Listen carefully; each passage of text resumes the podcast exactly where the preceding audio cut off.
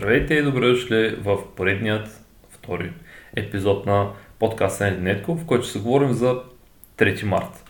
Този епизод смята да е малко по-различен, защото точно днес разказвах историята за това как качах върх шипка с спешно отиване и само на връщане. На един мой познати, той е някакъв спорно с кеф и че трябва да го запише това някъде на. И да, просто реших да реших да направя новия епизод. Е така, out of the blue, пък да видим какво ще стане.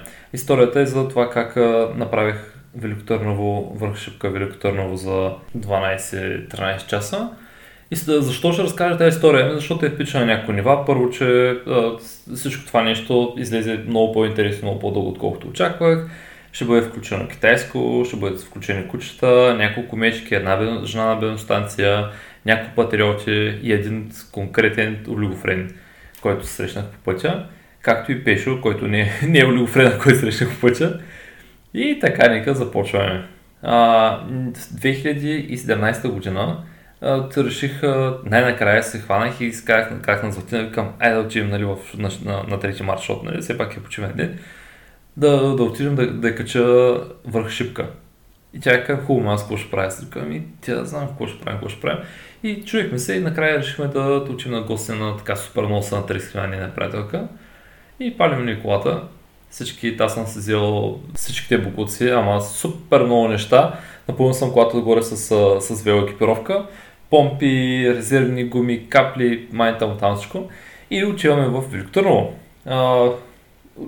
Престой там беше доста приятен, видяхме се тази неща позната, ако но на следващия ден е, имаме оговорка с Пешо. Пешо е мой познат, който може би тогава се видяхме за първи път на живо, не съм много сигурен. Но Пешо е е доста интересен човек, за който някой друг път ще говоря. Повече, защото има за разказване. Ако ви е интересно, вижте а, хижа Червената шапчица. Той е основното действащо лице там и е супер вдъхновяващ. И аз от Варна, той е от София, срещнахме се в Велико Търно, баш по средата е цвика. И се хващаме ние да караме Велико Търново, шипка Велико Търново, като гледах доста на картата. И те всъщност са два големи, две големи изкачвания и към, сега, нали, аз тогава бях в по-добра форма, отколкото съм сега. И към, нали, пеше, може да справим той към, да, бе, що не може да справим, колко пречи, нали, колко може да се обърка. И викам, ай, имаш почна от Велико Търново. И той е някакъв такъв малко, викам, сигурен, че от Велико Търново, защото той, бе, бая пътя, нали? И викам, да, бе, как гледал съм карта, всичко, нали, всичко топ. Той вика, хубаво, нали, айде го направим, ако може се обърка. И тъй, спеш се виждаме някъде към 4 и половина, 4 сутринта, нещо е такова, в, някаква, в някакво много извратено време, в една бедна станция около Велико Търново. И то не знаете колко е странно, когато видите, когато се разхождате трезвен много късно или много рано сутринта, как има или спортуващи, или има пияни само край вас. И там в станцията нямаше трези, така да кажа. И така, виждаме с, с Пешо, а, той също така беше доста добре подготвен. Казваме с чао с Златина и цепим към, а, към шипка. Идеята беше да стигнем възможно, а рано за да имам време за прибиране, защото все пак не нали, е много приятно се кара по, по тъмното. Пък всички знаем каква кочена е на върхшипка, когато дойде 3 марта. И палем Никита, както обича се изразява тръгваме обаче навън студено. Опитах се да намеря някакви, някакви данни така набързо в Google за това колко е била температурата по него време, но помня, че беше около, около нулата в някакъв момент и то този момент дойде, когато тръгнахме да спускаме. Защото нали, проблема не е когато тръгнеш да изкачаш, ами да, да, да, спускаш и тогава направо си бе малата. И аз с някакъв супер дебили ръкавица с кафе, към, аз съм да босна, нали, кафе проблем, изобщо не мога да стреснеш. И като тръгнем да спускаме направо, щяхме да умрем. И двамата беше толкова студен, че трябваше да спираме, за да може да стоплим, т.е. да не продължим да, да, да измръзваме. Беше някакво, но наистина, да, бе, много гадно. Много гадно. Много гадно. И тъй. И това става някъде. А, също аз когато някой ми е разказва някакви техните си печни истории за, за, за колездачен, бегачески или какво да е било, спорно съм стразен на как а, хората знаят всеки един милиметър от, от трасето, от къде са минали, почват че обясняват сега тук от сел Килифарел в ляво, ама не е големия тъпкейте, ами е другия до него, дето го построиха две години по-късно и подай някакви такива неща, и някакъв човек. Не, не, не. Та аз няма влизам много в подробности, само така съвсем, съвсем общи штрих ще, ще нарисувам. И караме ние, а, караме, караме, то е 4, там и нещо се видяхме с 4,5 да кажем е било. И то куче, кучеството, ма студено, като в куче гъс, макар че това е такова твърдение, но все пак. А, и тъй. И напасахме с темпото с пешо, тръгнахме катерим и идва ред на Хаймблас. Това е прохода на републиката, който сега ще ви изложа колко е дълъг, защото не съм много сигурен, пък и явно а, психата се е опитала да ме запази нали, цяло и, и, и е решила да не, да не ми а, да не, да не пази такива спомени, но да кажем, че а, тук поне по страва, който, който виждам в момента е около 20 и няколко километра, като започвайки от, да кажем, от 200 метра над морска височина, стигаме до 700 и половин километър за толкова време аз съм, а, аз не мога да се катеря. Тялото ми не е създадено за катерене, то е създадено за ядене. И аз се опитвам понякога го засилвам, нали, то не се получава. Обаче пеше пере нагоре, макар че и той е така, с, с моите услушения, обаче нали, по-коро копи излезе. И катерим, катерим, катерим, катерим. То беше толкова студено. И толкова една мъгла по едно време тръгна се спуска. После падна мъглата, някакви куча се показаха, но всичко беше нали окей. И сме в най-високата точка, там е паметник, беше ви казах, тук искам да спра, да хапнем поем банан. И защото, нали, знаете, колездачите са диктат към банани и към кафе, което е наистина супер лоша комбинация. Не знам кой го е измислил, обаче направо е, абе, не го правите това вкъщи дори. И спираме ние, и си говорим там малко, познаваме, защото нали, сме писали, сме си говорили в, в Facebook и там в месенджерите, обаче не, нали, сега като на живо, съвсем различно. Издрънкаме по едно време гейм една кръчма и вътре някакви сделки ставаха или някакви хора там спраха някакви неща и сега да проверят на какви сме, и някакви а, не, не, тук тръгваме, прибираме се. с някакви любофрени тук. И караме, ние караме и стигаме до разклона, който трябва да хванем за казалък. И виждаме табелата, виждаме разклона, обаче аз нещо се психирах тогава към маля ден да объркам, защото то само ти остане два завоеваме, нали, аз да объркам един, ще е супер тъпо. И влизаме в някаква, в някаква бензостанция на Еко, мисля, че беше тогава. И, и питаме някакъв човек, и то нали, вече съм там, примерно 50 км. И викам, нали, знаете, но за казалък тук надясно, нали, той каза, ся, излъж навънка. Напред, точно едно като въдъч, такова на малко на страничко. И вика, сега тук фащаш и тук вдясно и в магистралата караш и стигаш до казалъка. Само направо. И само стоим и викам, пиша, каква магистрала има тук е човек. Той е баля майката, каква магистрала тук, тук магистрала няма. Гледа ми говори някакъв такъв усмихнат, защото им как говорим чао. И по едно време он се кача в голям зил. и човека тръгва от 3 км в час и светна и тогава, защото човека нали, кара някаква, някаква турбобракмата и то на къв типа да се качи, който нали, не е с 3 метрови камъни, за него си е някаква магистрала. И хваща ми в кавичка магистралата, изгрева е пред нас ние сме някакво а, близо до Казал, който нали, се е доста голям напредък и сме а, минали Хаймблас, аз тогава, до тогава не бях, го, не бях минал през, през него. И сме минали доста голяма част от трасето, примерно там, повече от половината дистанция в една посока, т.е. една четвърт от, от, цялото, от цялото нещо. И тръгваме към, а, към Казанлък и то там, защото имам много приятни спомени, защото а, първият ми бревет и повечето бреви всъщност, които, които минават там, имат пауза в а, а, имат контрола и съответно е почивка в ОМВ-то на Казанлък. Града веднъж съм се разхождал в него, но много така ми е приятно да вляза в ОМВ-то в Казанлък, да спорчам едно двойно или тройно еспресо, да го изпия, да ме шокира и да хукна на някъде. И както и да е, и караме ние към Казанлък и той изгрева, идва и път някакъв наистина супер як. И с двамата спеше, ако их нали говорим, с то почна с топля. И ние къде сега как ще атакуваме върха, защото нали сме някакви мега изроди тук. Но то всъщност нали бъзкаме с там, ихо. И те стана, ама не точно. Да, влизаме в, в Казалък и беше някакъв супер такъв а, ориентиран и вика сега тук вляво, тук вдясно, цак, цак и отиваме ние, нали, точно къде трябва. И то хубаво, нали. Обаче в някакъв момент трябва да почнем да катерим боя. И караме, караме, караме. Ние стигаме до село Шипка и то там са едни, едни поля, обаче, абе, не знам, аз много топли спомени пазя и някакво такова много ме е приятно. Като сещам и караме, викам, бе, че то ни тук 200 км, но толкова ще е такова. Карането, то е идеално, нали? Ще се приберем след обед. И къде шипка не се еба майката. Буквално се разсипахме. И то, защото те бяха много факторите, Обаче, братко, значи тръгваме да катерим ние шипка. И още от подножието виждаме трилиони автомобили, които, нали, съответно, защото е вече станал там 6, нещо 7, колко 8, не знам колко часа. Обаче той е, а, почват някакви хора да, да прииждат. Някакви турболивофрени, които също прииждат. Някакви състезатели, а, хора с а, други велосипедисти, имаше бегачи, имаше а, някакви тако, нали, някакво движение. И с някакви, окей, нали, то е нормално. Тръгваме се катерим то нямаше място да пръдне човек. Значи отляво хора, отдясно хора, по средата коли. Плюс баби и дядовци, които нали, обикновено, обикновено са по-бързи от колите и са някакви супер много са бута такива. Мале човек. Значи а, хора излезе с знамена. Има сигурно, че ще, ще покоряват, не знам, отиват някъде ще превземат нещо. И той ни бъде.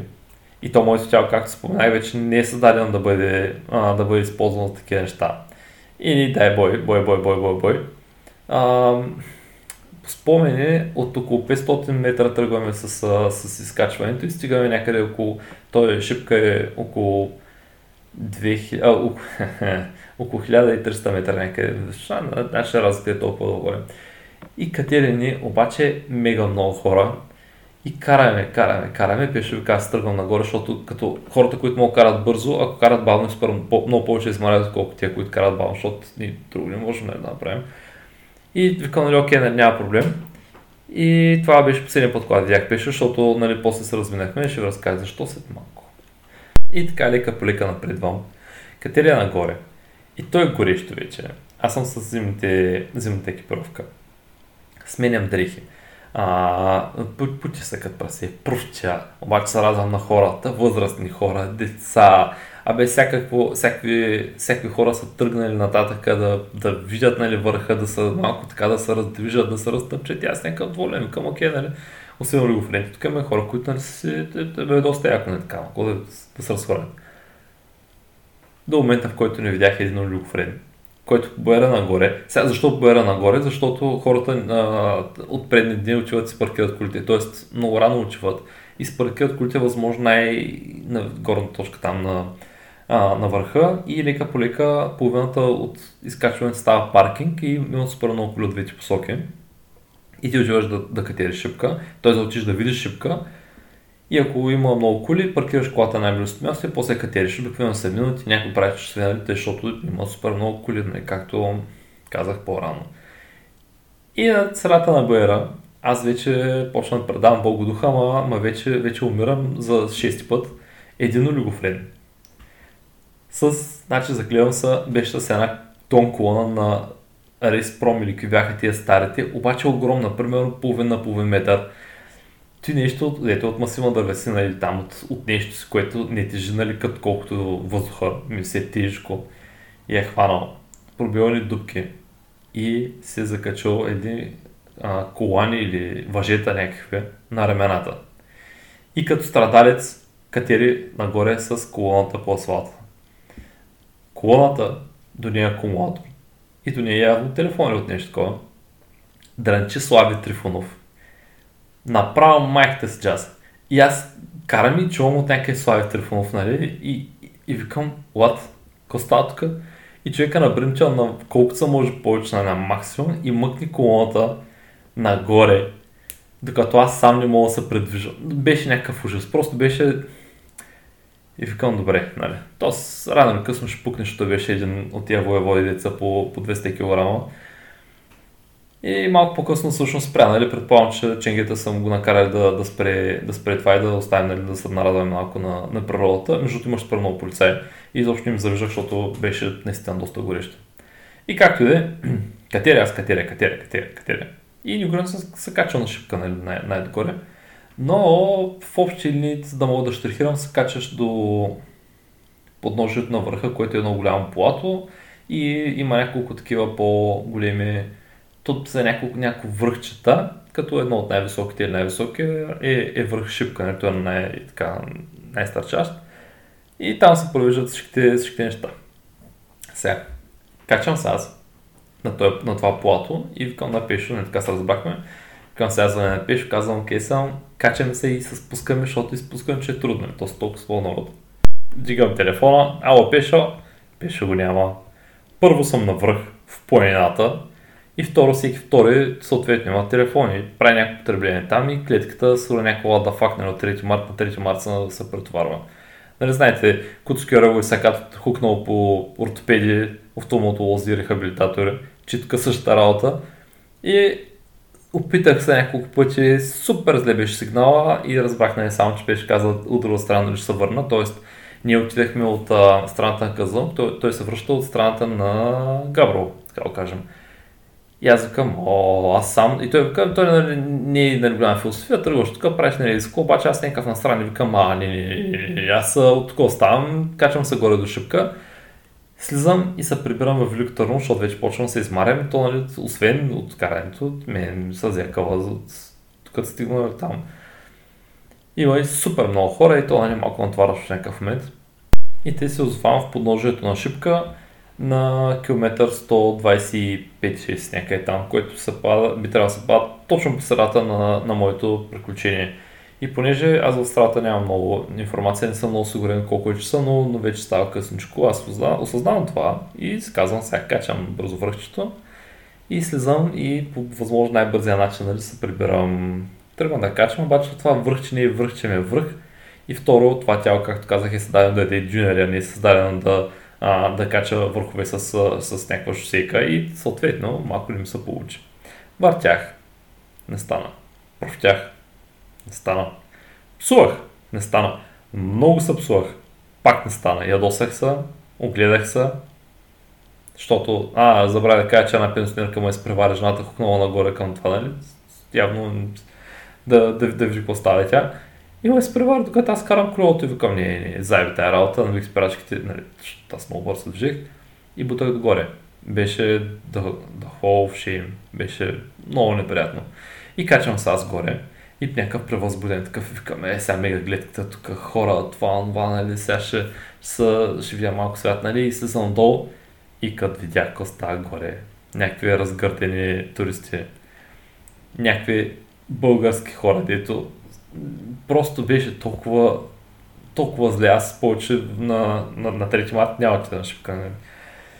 И така имаше коледари, даже там някакви облечени хора имаше.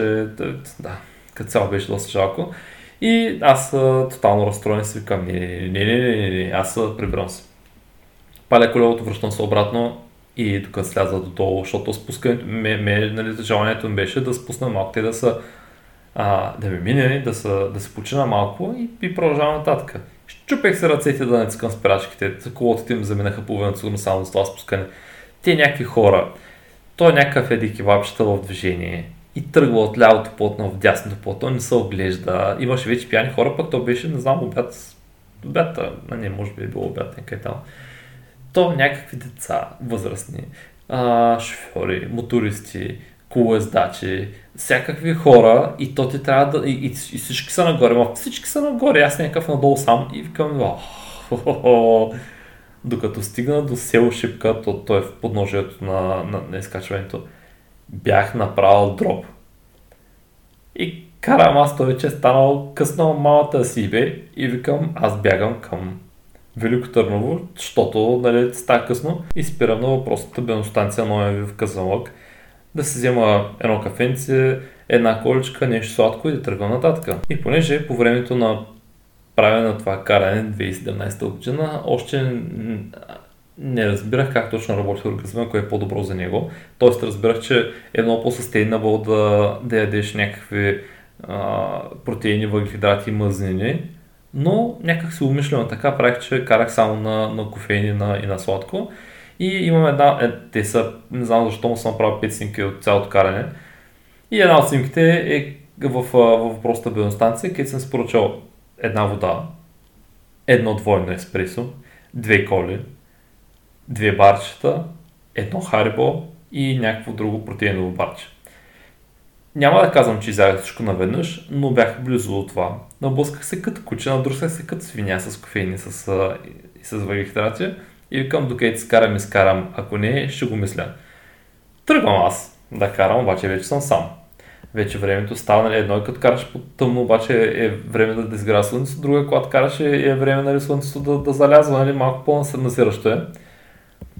И викам аз, нали, кораб съм, кой може да се обърка? Тръгвам аз да карам, пътя беше наистина много як. И карам аз към посока Мъглиш. Пак там е много специфично, има коне, цигани, кучета, всякакви такива неща по този хубавия път, който нали, в, в проста магистрала. И карам аз, карам и гоня Велико Търново. Обаче, аз понеже съм умен, нали, на отиване, понеже беше straight forward на връщане, има някакви ушички, нали, такива ушенци, ето караш, ама не, нали, трябва да заобиклиш от някъде да направиш нещо. И аз не карам малко на самоход, защото вече съм на там на, да кажем, 160 км, 150 км. И изведнъж се озовавам в село Тулово, което е някакво ход, не знам, 15-20 км повече мъглиш. И карам и виждам една мъгла в далечината и виждам как слънцето залязва. Аз може би забравях да кажа, но в бензостанцията вече слънцето почна така да, да слиза надолу и аз знаех, че ми остава 100 кусор километра на връщане и знаех колко много ще бъда пребан. И излизам аз примерен с всичко зареден, носех си тогава пауърбанка, макар че той на прасе е такова голямо и викам сега да го нося, да не го нося, май ще го донеса, защото нали, все пак не съм толкова тъп, очевидно. Защото имам а, телефон, фар, стоп, и тото и то. Но все пак, нали, всичко си иска точеца.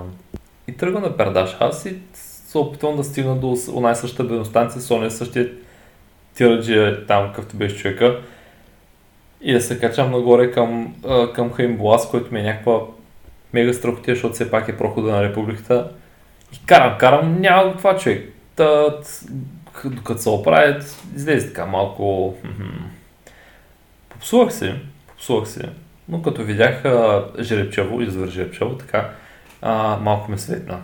Стигам аз Горково, това се каже едно, едно сило имаш там, където щяхме да изпукаме. Всъщност там беше а, това теобразно, което, което ние търсихме. И беше толкова студено. Както и да е, връщам се аз по същия път. И почвам да катеря. И викам сега. Имаш още път. Обаче, нали, по-страшното си поминало, бла бла бла бла бла, оставят някакво катерение малко, ама нали сега примерно, ако а, шипка е на 1300 метра морска височина, Хембуас най-високата точка беше нали, на 700 метра. Тъй, че нали, все пак съм стигнал до някъде, няма да се, да се предам повече. И трябва да въртя, въртя, въртя, въртя, въртя, въртя, въртя, обаче аз съм без слушалки, защото нали, все пак като сам особено не е много добра идея. И карам аз и по едно време то вече ми се стъмни, ама толкова отдавна се стъмни, че направо майката си и бе, то, и то беше някаква непрогледна нощ, като в кучи гъс. Пак споделям, а, но не си мисля, че съм злофил, не съм. Но супер тъмно, ама мега тъмно, нищо не се вижда и аз съм с фарстоп и виждат се, нали, окей са, обаче, нали, сега друго да караш с, с, с кола, друго е с колело. И качам аз и покрай мене, защото нямаше, очудващо имаше супер малко движение между другото. И покрай мене, като почнаха се чуват някакви неща. Ма то някой гущер да пръдне в, в купчина с листи, то ще се чуи.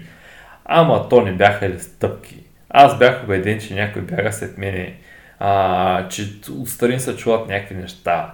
Че, абе, направо бях готов, нали, знаете, не вид с, с мечката, ето някакъв пита друг, нали, какво става, ако мечка, той маша с лайна и той откей, ще намеря лайна, като на къде е мечката, ще намериш, намериш. Аз бях подготвил направо. Беше толкова, а, не, не, беше толкова гадно. А, то, всъщност, нали, прохода си е супер, пътя беше добър, обаче беше много. Направо щях да, да, да фърля боба. И те катеря аз, катеря, катеря, катеря. И по едно време обаче Хеймблас вече почна да, да посвършва. И вече някои такива брутални бъри почнаха да стават по-малко брутални. И аз някак викам, бе, аз взема се прибера и даже няма да е някакво абсурдно късно, тя да отиде някакво супер много притеснена, макар че не знае, че а, нали, не съм някакъв пък прекалено зле, няма да направя някакви глупости. И както и да е, и така някак си вече да се ободрявам, викам, добре, а ти, аз съм на, а, да кажем, примерно съм минал 200 км. На около там 14 часа каране, това е 14 часа движение, нали, без почивките. И те леко съм изморен, нали. И карам аз към Калифарево, така казва, казва кръчето. И, и на някакъв си мечтай вече, прибирам се и ще се изкъпя, че аз то мирише на пръча, ама то направо, не знам, аз за това сигурно ме напада никой животно, защото фунче като, като, не знам, като нещо дълго, отдавна, отдавна умряло. И карам аз, карам, карам, карам и те тия, а, тия шуми продължават се чуват, обаче аз някак си преживях и казаха ми код такова, аз бях, имах си спрей, нали, освен всичко останало, много, е важно, между другото, се струва смешно, на шосе кой за нощ спрей, не е чак толкова. И карам, аз почвам минавам през една а, поредица от някакви селца, ама те са някакви по-низки, не знаете как по-низките селца са такива, не са големи, обаче са продължението на целия път. И ако живееш в края на, на селото, пък искаш да отидеш до кръшмата, който е в другия край на селото, то е по една линия, нали вървиш.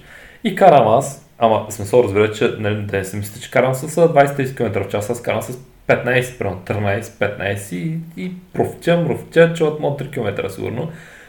И както карам и по време просто на 10 см от мен се материализира, видях как един човек просто вървеше. Ама той, понеже имаш някакъв бордюр и той върви в храстите, минава през храстите. Направо са на страх. И човека като го подминах, толкова силно ми лъхна на някакъв твърдо хора, или какво беше, не знам. Той човека явно иска да се прибере вкъщи, да се наспи. И аз, той ще се наседе, защото и той чух само нали, да казва нещо, типа нали, и аз някакъв се чух и аз да казвам нали, като се разминахме и така че нали, беше, беше много неприятно. И карам аз и виждам някаква кръшма. Работи. Влизам вътре, една някаква проклета лелка, ама те като ги видите, знаете, че не е обслужвано дълго време. Нали. И викам, добър вечер, може ли да се а, да вляза тук, защото бях с колелото, по колелото някак, го ставя страта, нищо те нали, навънка. И тя вика, о, че как те? Ми викам, не може така колелото. Ми не. Викам, какво? Не, телихме с плана в зелена майна и продължавам аз напред. И продължавам аз и стигам някаква бензостанция и аз, защото тя се вижда далече, то както споменах е някакво супер тъмно. И си викам, сега да спра, да не спра, да спра, да не спра. Той наближава Велико Търново, а телефонът ми вече, батерията му беше се изтощила доста, но пазих батерията от Powerbank за, за стопа и за фара, защото нали, те някак са малко по-важни. И сега не знам точно колко километра са, обаче викам, ще спра тук, ще питам малко, ще разпитам как ще то, пък какво ще се става.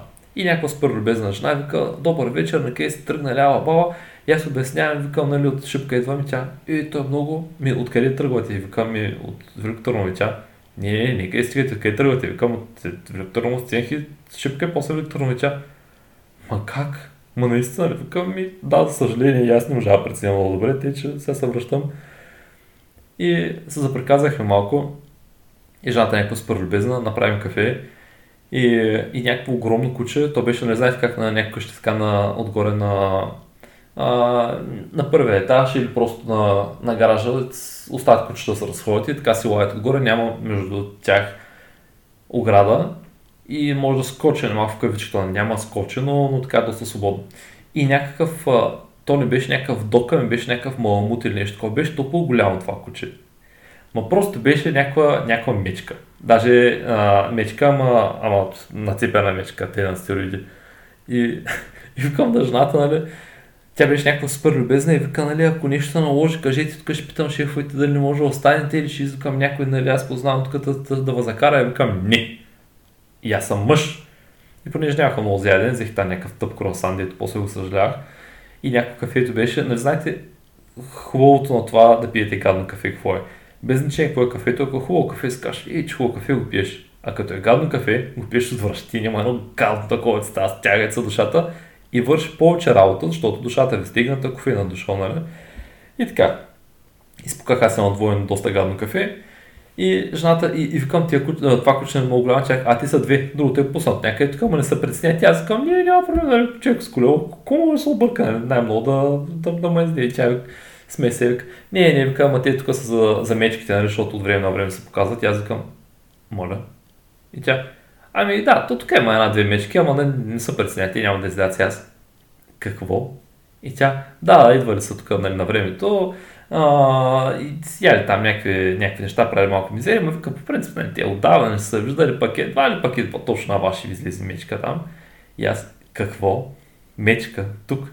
И тя да, да, а, ако видите вълци, нали, те не са вълци, ами са кучета, нали, вълци, тук също отдавна няма, макар че може да се мерка някой, ама като цяло, няма мечки, вълци неща, много малко шанса, не, но някой ще ви излезе, аз някакъв моля, какво? И душата ми се стегна, газа ми той се стегна и като цяло стои си викам ся. Мечки. Добре. Вълци. Страхотно. Макар че знам, че нали, едва ли шанс е непрекалено малко. Обаче, понеже няма никакво движение и те някакви могат нали, така по-спокойно да се, да се, да се доближат до пътя, и аз съм леко насран.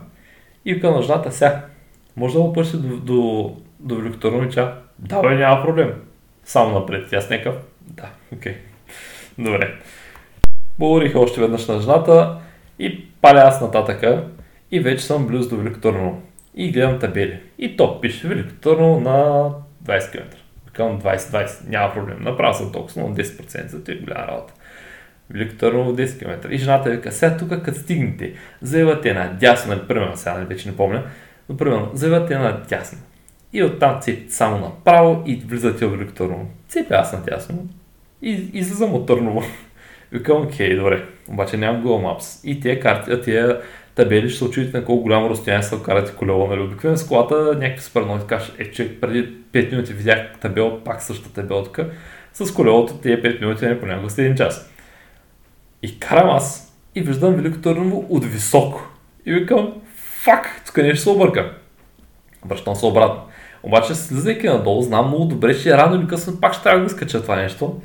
И аз вече леко бесен и чакам някой мечка да ми излезе и да опъна и да я бия шамар едновременно, защото нали, то трябва да се свърши нещо. Мен ми е писнал, ама толкова отдавна не карам. И толкова искам да се продам колелото и повече не се занимавам. И просто искам да се прибера вкъщи, да се застрелям и поне да се почина нали малко. Ама няма. На момента съм си, но в същото време съм извън Великотърново съм и до Великотърново толкова близко съм почти в града. И жената вика, сега тук цепите напред, ми то напред няма човек, избираш ляво дясно. Викам, супер! И пише на Велико Търново, примерно 5 км. Влязах в някаква индустриална зона, то си бе майк. Нямам никаква представа къде се намирам. Аз знам във Велико Търново, като, като пътувам от Варна към София или там, където да бил към София, или обратно, а, минавам една голяма там, а, едно голямо разклонение и там едни огромни, огромни табели ти казва Велико Търново. Вдясно влизаш, вдясно вече са Велико Търново. Тук влязах в някаква страна, дето не знам откъде влязах, макар че излязах, макар че тръгнах от друга посока сутринта. И аз вече съм толкова бесен. И толкова съм спрял съдбата, че си викам аз и тук е така, ще със сърце си ще изкопа, ще изкопа един гроб и ще легна по нея. Почина малко, защото то няма. Просто свършило ми е сега, нали, айде имах вода и малко храна, но все пак нали, всичко ми е на, на ръба. Търпението ми е на много километри останало отзад. Минали са вече около 220-30 км и карам от около 15 часа. И викам сега. Време и тогава, понеже нямах а, още такова компютърче GPS на, на, на, на, на колелото, ползвах стравата на телефона, т.е. това толкова бързо ми свършваше батерията. И гледам, и телефонът ми угаснал. И цялото ми каране в стравата го няма. Майко, направо се побърках. Тръгвам го зареждам, обаче то понеже ти няма като quick charge като сега, нали, то, макар и толкова скоро, всъщност, нали, той телефон не беше някакъв вау. И пауърбанка и той нали, няма quick charge. И трябва да стоиш да го чакаш ти нещо 20 минути да заради примерно там 10%. И викам, аз се ориентирам. Карах, карах, карах, човек. Излязах някъде, върнах се, пак карах и аз, защото вече на някакъв, а, малко ми се спи, малко съм зле, нали, и почвам вече така леко да се изнервям на цялото нещо. И почвам да псувам, псувам, псувам, псувам. Явно сработи това нещо и се озовах в а, точно този път, който, е, който ви разказах, който е до автогарата, се минава и като го видях, и аз съм примерно точно тази автогара е примерно на 3 км, защото с кола, както казвам, нали, е много лесно, но с коли отнали повече време отнема и влизам в Търново. И има хора и някакво движение. И аз съм там, сам, капнал от умора. Искам да умра и видях първия магазин и понеже вече бях толкова отпаднал и толкова имах нужда от всякакви неща, че влязах в него и се взех няколко пакета с желирани бомбони, защото тогава това супер много ми седеше. И влизам вътре и някакви пияни студенти ме гледат и аз някакъв само извинявайте, аз само тук малко да видя нещо да, да питам, не знаете как става, аз съм с някакъв, в някакво малко магазинче, аз влизам с колело, защото колелото няма си го оставя навънка. И беше малко неудобно. Не знам колко жилирани бомбони взех тогава, обаче ги изярах всичките. И аз съм на 2 км, км от, от там, къде трябваше да спим. Обаче просто не мога повече. И съм седнал и блокирах лекичко. Ама си викам спокойно. И преди си блокирал, знаеш какво става с някакъв, нали, наистина. И стоя като някакъв имбицил. Седнал на една пейка, до мен е колелото. Краката ми да кажем, че леко търпелят. Погледа ми е невзрачен, такъв и вече не знае какво става. И блъскам като ненормален, жилирани бомбони. Ама просто усещам как бъбреците им почва кат, о, о, о, чай, чай, чай, чай, чай малко. Но аз не ги слушам. Минават някакви хора покрай мене и си мисля, то или е нещо твърдо, лошо, или нищо го има. Нали? То просто аз не изгледах нормален тогава. И мен изобщо не ме бе вече. И трябва да карам нагоре. И то пак е едно хълмче, на, защото нали, то Викторово не е най- най-плоския град, но не, не е нещо, кой знае какво, е едно хълмче. И стигам аз близо там, къде трябваше да бъда, обаче телефонът понеже беше изключен вече, пък и то нали, съм на сейф а, място вече. И отивам, радвам се, виждам, те бяха на втория етаж, мисля, а, беше квартирата. И викам, супер, поне нали се забавляват хората, имаш там някакво момче, даже аз не го познах. Аз също не бях сигурен дали е там, но нали, виждам някакъв човек и викам, сигурно се извика някакви гости. И краката ми треперят, по едно време тия бомбони почнаха да удрят, защото нали, то не е малко и да, да, да изсибаш толкова много захар наведнъж. И отивам и домофона беше изкъртен. Също си ли го монтираха или някой просто, просто беше изкъртил с кози крак. И домофона не работи. Но аз за сметка на това нямам батерия. И стоя и викам, аз чакам, ето където и сега ще седна и ще, и ще чакам някой да, да отвори вратата и ще вляза. Никой не мина. Велико Търново в не знам колко там действия, нещо са вечерта, хора не минават толкова много, то беше в покрайнините и съвсем. Пак аз ако видя такъв като мене там, най-вероятно ще подмина или ще се направя, че работа в другия край на града и ще си тръгна. И аз стоя на страна там и гледам как се забавляват хората. То също той е единствен човек, който виждах което ми е абсолютно непознат и викам сега тази перспектива ми изглежда, че тук е апартамент. Обаче какво ще е, ако не е тук, ами от другата страна. Почвам да обикалям като някакъв имбицил и викам сега, тук работа няма стане. Ходя да търся камъчета, обаче, нали, знаете сега, като търсите камъчета, трябва да са, нали, с които да, да хвърлите по чужди стъкла. Трябва да не са много големи, да не са много малки, да може да ги хвърлите, но да, не да щупите нещо. И то камъни няма в нали? И а, беше много неприятно. И почнах хвърлям камък. Първо, първо виках естествено. Виках качуване. Първо бяха ехо, ехо, не стана. После малко по-силно. На третия път вече виках качубанен, псувах, хвърлях си колелото а, и вече се бях отказал от всичко, от цялата вселена и каквото и да е било. После отида да вземам камъня, камъчета. Почнах хвърлим, по-ново време той, който е там, нали, човека, който виждах и по-ново време те са погледнал, облещи са и почвам да соча и никой друг не се показа. И викаме бас малата не сега останете в друг, друго, друг апартамента, поне за блока бях сигурен. И по време се показа Златина на терасата. И аз викам, о, ес, ес, ес, ес. Отключи ми тя ми не мога, трябва да, да сляза, та, та, та, та. Слиза тя, защото нали, домофон очевидно не работи.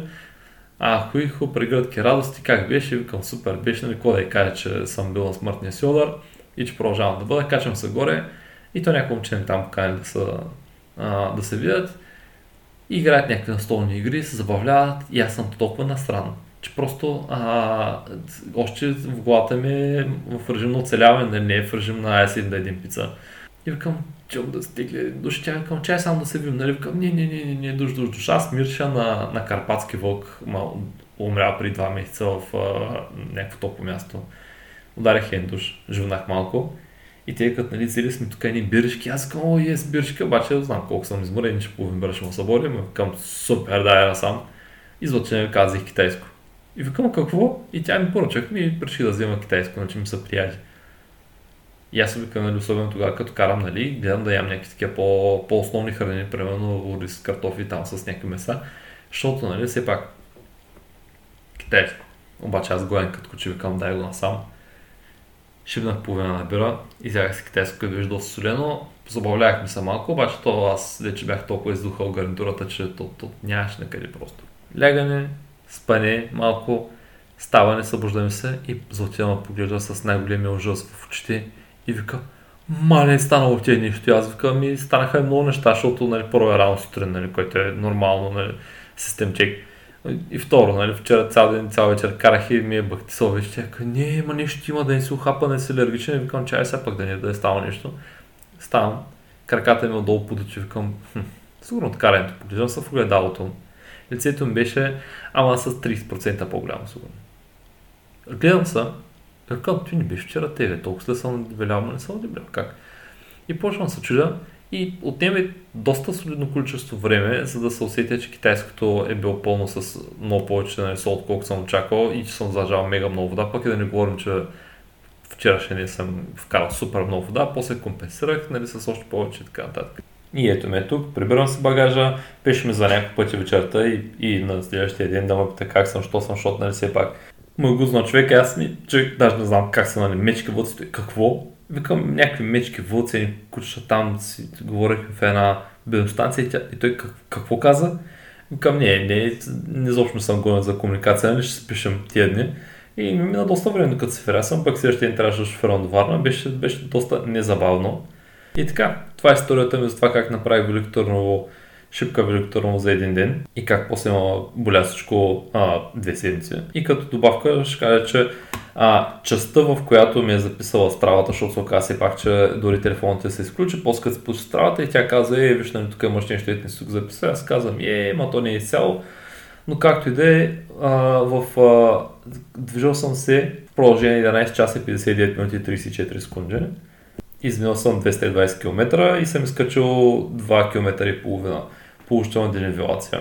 Изразходил съм 5300 калории и не знам колко съм поел. Водите, може би съм изпукал около 5 или 6 бидончета от по 700 мл, плюс кафетата и колите.